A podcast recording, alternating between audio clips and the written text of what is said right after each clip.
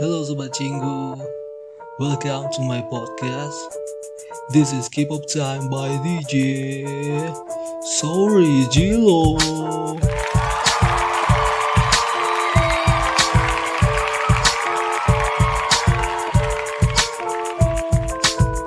Welcome to my podcast. This is Keep Up Time.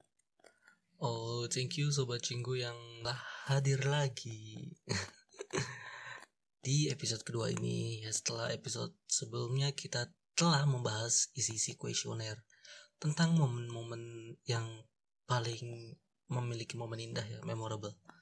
Di empat tahun terakhir ya maksudnya sebelum covid ya. Ya kita banyak sounding tentang Gen 2 yang udah di apa namanya udah di puncak karirnya mungkin ya.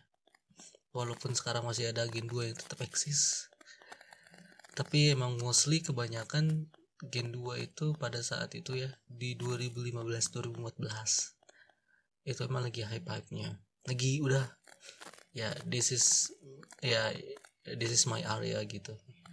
Sedangkan Gen 3 justru apa ya ya dengan konsepnya yang fresh gitu.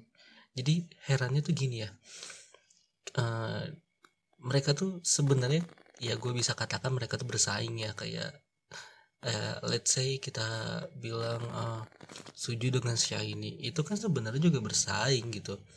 Cuman yang kerennya di sini apa?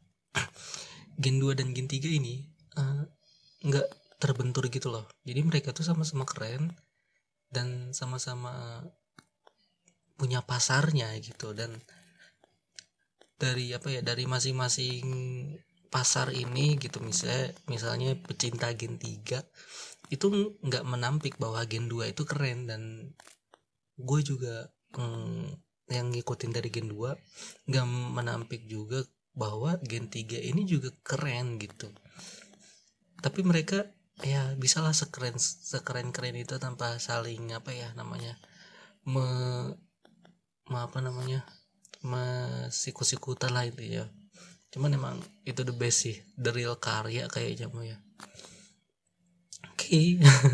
panjang banget ya oke sekarang kita bakal bahas tentang boyband mainstream mungkin kalian sudah dengar di berbagai media atau mungkin di HP kalian sudah banyak lewat FYP TikTok atau di explore IG, trending Twitter kalian atau kalian ada yang main RP.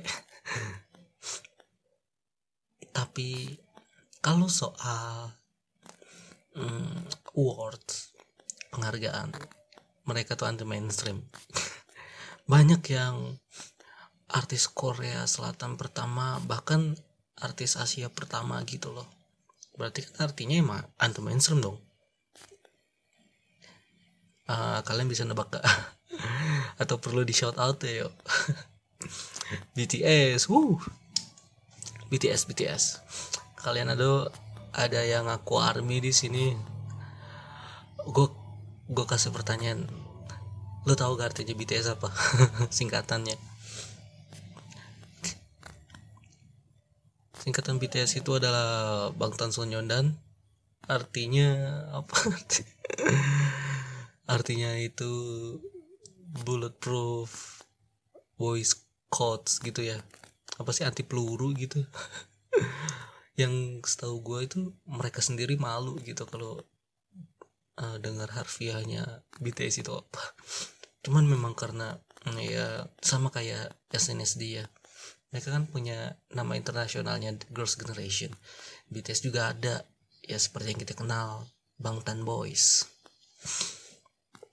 Dan gue sejujurnya suka banget dengan awal debutnya konsep BTS ini yang benar-benar merepresentasikan remaja yang emang awalnya um, ya remaja-remaja baru gede gitu ABG yang sebenarnya bisa kita bilang anak kecil tapi mereka punya pemikiran sendiri gitu loh. Udah bisa udah apa ya udah bisa bikin decisionnya sendiri gitu. Ya walaupun harus dipandu ya. Jadi wajar gitu saat itu mereka tuh masih uh, eh, semangat semangatnya gitu berapi-api dan banyak selengeannya istilahnya. Apalagi ya gue suka tuh lagunya BTS yang No yang NO itu keren banget MV-nya juga keren banget kayak kita melawan sebuah sistem. Dan so far uh, keren sih lagu lagu apa ya nggak cuma soal lagu apa ya story life nya aja gitu maksudnya kehidupan yang biasa biasa apa kehidupan yang kayak gitu aja gitu. Maksudnya Just One Day juga oke okay, gue juga suka. Bener-bener kayak remaja yang jatuh cinta gitu. Terus uh, sekarang nggak berasa. Udah gede udah gede nih. Gue waktu itu ngecoverin BTS itu pas zaman zamannya Dope. Sebelum Dope sih sebenarnya. Kayak I Need to sama Danger tuh masih booming boomingnya terus comeback lagu Dope. Lagu Dope terus habis lagu Dope apa ya Run gitu ya gue lupa sih. Ya pokoknya ada Run terus Spring Day ya. Spring Day terus itu gue udah udah sempat ikutan juga yang spring day cuman udah nggak terlalu udah nggak nggak fokus lagi ke situ karena emang udah kerja waktu itu jadi udah udah say goodbye sama dunia percoveran. Jadi ya setelah gue lihat sekarang BTS ya gue kayak wah gitu. Kayak ya waktu udah cepet berlalu gitu. Apa ini gue artinya makin tua oke okay, uh, nah um, gue baca ini artikel dari kapanlagi.com jadi gue di sini gak asal ngomong ya ada sumbernya. Gue sedikit uh, baca-baca. Maksudnya banyak baca ding. Oke, okay, BTS dapat dibilang berhasil mencetak sejarah baru bagi industri musik K-pop. Nah, ini yang gue bilang beragam penghargaan nasional bahkan internasional udah diraih sama BTS yang debut di tahun 2013 silam gitu terus nah ini yang akhir-akhir ini sih ya BTS dipercaya jadi utusan khusus Presiden Moon Jae-in untuk menghadiri sidang umum PBB ke-76 di kota New York.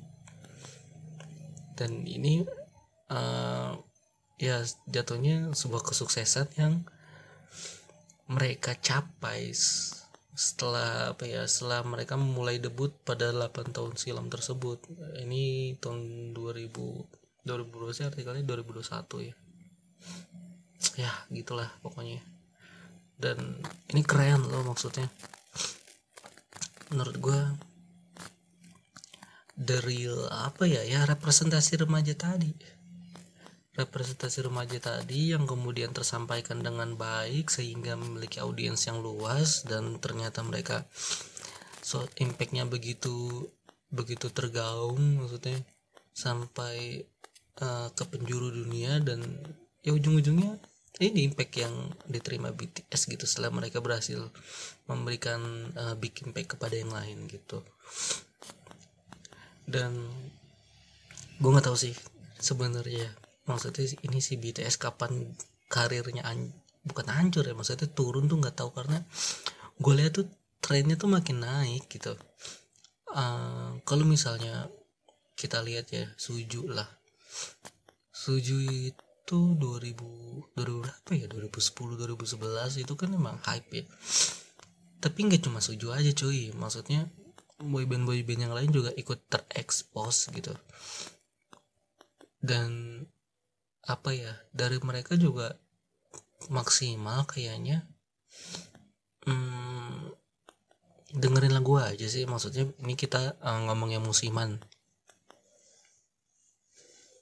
Nah tapi kalau BTS yang sekarang gue nggak tahu ini BTS dari zaman dari zaman dop kalau nggak salah itu udah mulai rame karena awal awalnya emang kurang kurang hype tuh uh, I need you gitu-gitu tuh danger itu kurang hype kayak ya kayak block B gitu. Nggak terlalu nggak belum terlalu banyak uh, ini uniknya apa sih? Karena ya mereka udah kayak underground boy group aja. Nah, terus sekarang kita lihat bisa dibilang mereka fans musiman juga kita nggak bisa uh, mengidentifikasikan itu. Tapi gue akui mereka sangat loyal gitu. Maksudnya ya gue sampai nggak bisa gitu membedakan mana yang musiman mana yang enggak kecuali behave-nya ya. Tapi behave itu kan balik lagi nggak semua K-popers lama itu juga punya sifat yang dewasa. Kalau mereka dewasa udah nggak bakal ada apa sesayang fans itu udah nggak ada kayaknya. Iya jadi uh, ya K-pop apa ya K-popers zaman sekarang itu maksudnya kita ngomong ini masih lingkup ini ya yang musiman. Itu mereka udah beli-beli merchandise casing K-pop gitu. Dan jangan ya gue nggak jadi nggak nggak kebaca gitu maksudnya. Ini kapan ya redupnya nih? Emang segede itu kah gitu BTS tapi emang gue akuin dia keren mereka keren sih bisa sampai ke sini. Dan oke kita lanjut ya Oke, BTS juga berpartisipasi dan bekerja sama dengan UNICEF tentang kampanye Love Myself. Ini kalau nggak salah eh, gara-gara ini ya tergaungnya album BTS itu yang uh, Love Yourself apa kalau nggak salah. Terus di sini sebenarnya yang gue tahu dulu tuh BTS yang sekarang ini nih yang de debut sekarang yang kalian tahu tuh bukan BTS murni gitu. BTS gen pertama itu tuh ada Iron kayaknya masuk ke Lil Boy. Iron terus Rapmon tuh salah apa ya dulu tuh Rapmon tuh di BTS tuh itu loh maknanya yang jadi termuda sekarang malah jadi leader. Iya cuman ya itu ada dark side-nya gitu. Yang katanya harus oplas segala macam gue nggak tahu. Dan jadi akhirnya mereka pada berubah sekarang malah pada ikutan Xiaomi the money. Jadi emang ya kalian jangan heran gitu kalau emang BTS tuh hip hop grup gitu loh. Jadi ya mereka emang ya berasal dari situ dan dengan sekarang udah ganti-ganti genre itu sih yang uh, yang ngikutin perkembangan zaman ya. Itu sih yang bikin mereka keren gitu. Nah oke okay, kita uh, next ke fakta-fakta. Nah kalau fakta-faktanya ini sebenarnya ya ini kita kita bahas nih. Tuh Bangtan Boys itu adalah uh, Bangtan Sonyondan artinya tuh. Arti arti Bangtan sendiri adalah anti peluru. Kelompok anak laki-laki. Orang mereka aja malu denger bukan malu kayak mau ketawa gitu. Denger artinya cuman gitulah Nah, tapi filosofinya, Pak, filosofinya bagus, melindungi dan menjaga cita-cita dan impian para penggemar. Set. tapi kita back ke nomor satu dulu kali kayaknya dan gue lewat deh. Kan gue tadi baru cerita tentang BTS yang gen pertama ya. Kayaknya gak asik deh kalau kita nggak ceritain semuanya. Kayak kalau uh, RM kan ya emang dari pertama gitu. RM pertama terus langsung akhirnya oke. Okay. RM tuh pertama dia sekarang jadi leader. Nah awalnya tuh dia uh, nge-rap. Yang gue tahu dia tuh uh, terinfluence sama lagunya Epic High yang Fly. Terus dia uh, ikut-ikutan kayak LTE rap gitu. Sama Supreme Boy produser dari Big Entertain sampai akhirnya uh, eh, RM ini ngikutin audisi pertama dan jadi anggota pertama BTS lalu kita ke Suga. Suga ini adalah uh, sebenarnya yang gue tahu dia tuh ikut audisi tuh sebagai produser gitu. Tapi nggak tahu kenapa dia tiba-tiba malah disuruh ngedance. Terus J-Hope J-Hope ini kan ya dia dance bagus keren. Jadi dia ikut audisi dan tergabung di Hit terus juga ada Jin. Kalau Jin ini emang dia kan awal masuk ini kan sebenarnya eh, mau di mau berkarir di dunia acting ya. Cuman nggak tahu kenapa ya emang emang kayaknya gini deh maksudnya rata-rata orang-orang yang uh, sukses gitu mereka tuh kayak coba dulu lagi coba dulu lagi gitu loh. Kayak Suga tiba-tiba disuruh ke dance terus saya Jin tiba-tiba disuruh nyanyi suruh ngedance gitu. Dan ternyata malah berhasil gitu. Terus habis itu V nggak sengaja bergabung karena uh, cuman itu aja sih nemenin temannya ya. Eh ternyata malah V yang dapat tawaran audisi. Sampai akhirnya dia lolos. Terus Jimin yang gabung dengan agensi karena saran dari gurunya di sekolah. Dan apa ya bakatnya juga bagus di bidang dance. Oke lalu kita next. Suka dan dukanya. Dan gue percaya bahwa perjalanan karir BTS ini emang gak mudah ya. Dan ada beragam kisah menyentuh tentang perjalanan karir BTS suka dukanya. Saat pertama kali BTS terbentuk itu agensi mereka yaitu Big Hit itu tergolong sebagai agensi baru. Dan mereka harus rela berat, berlatih dan berjuang bersama agensi yang saat itu terbilang masih kecil. Terus juga mereka ya tinggal di dorm yang terbilang nggak yang nggak luas-luas banget lah.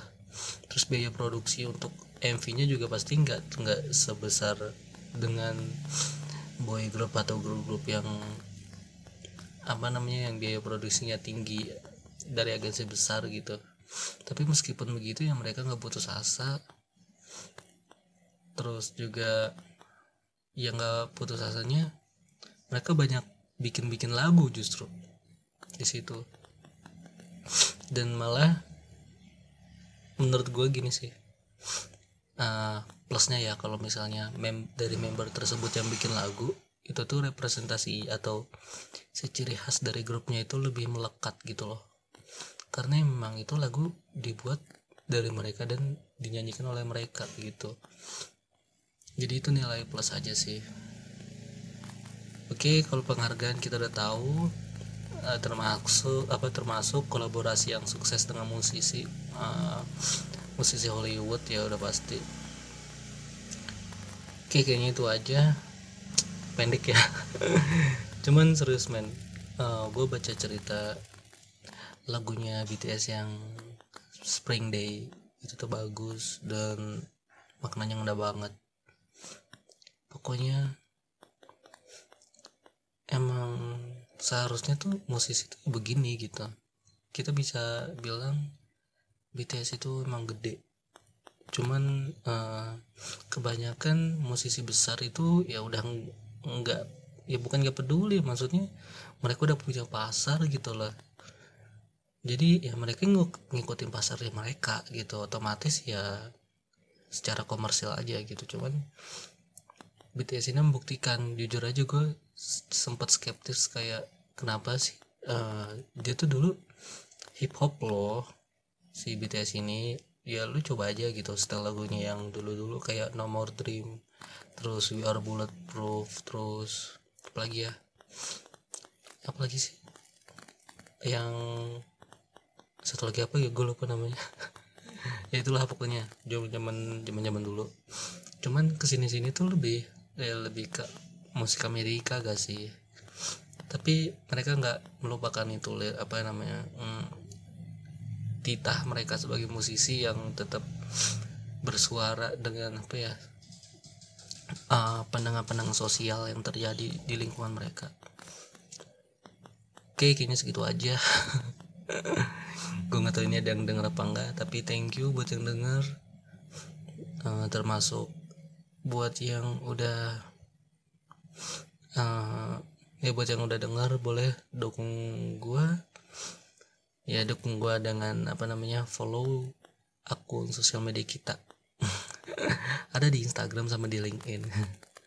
Kalian boleh follow tuh. Nah misalnya nih misalnya info yang gua berikan ini kurang akurat atau memang apa ya banyak banyak kekurangan gitu.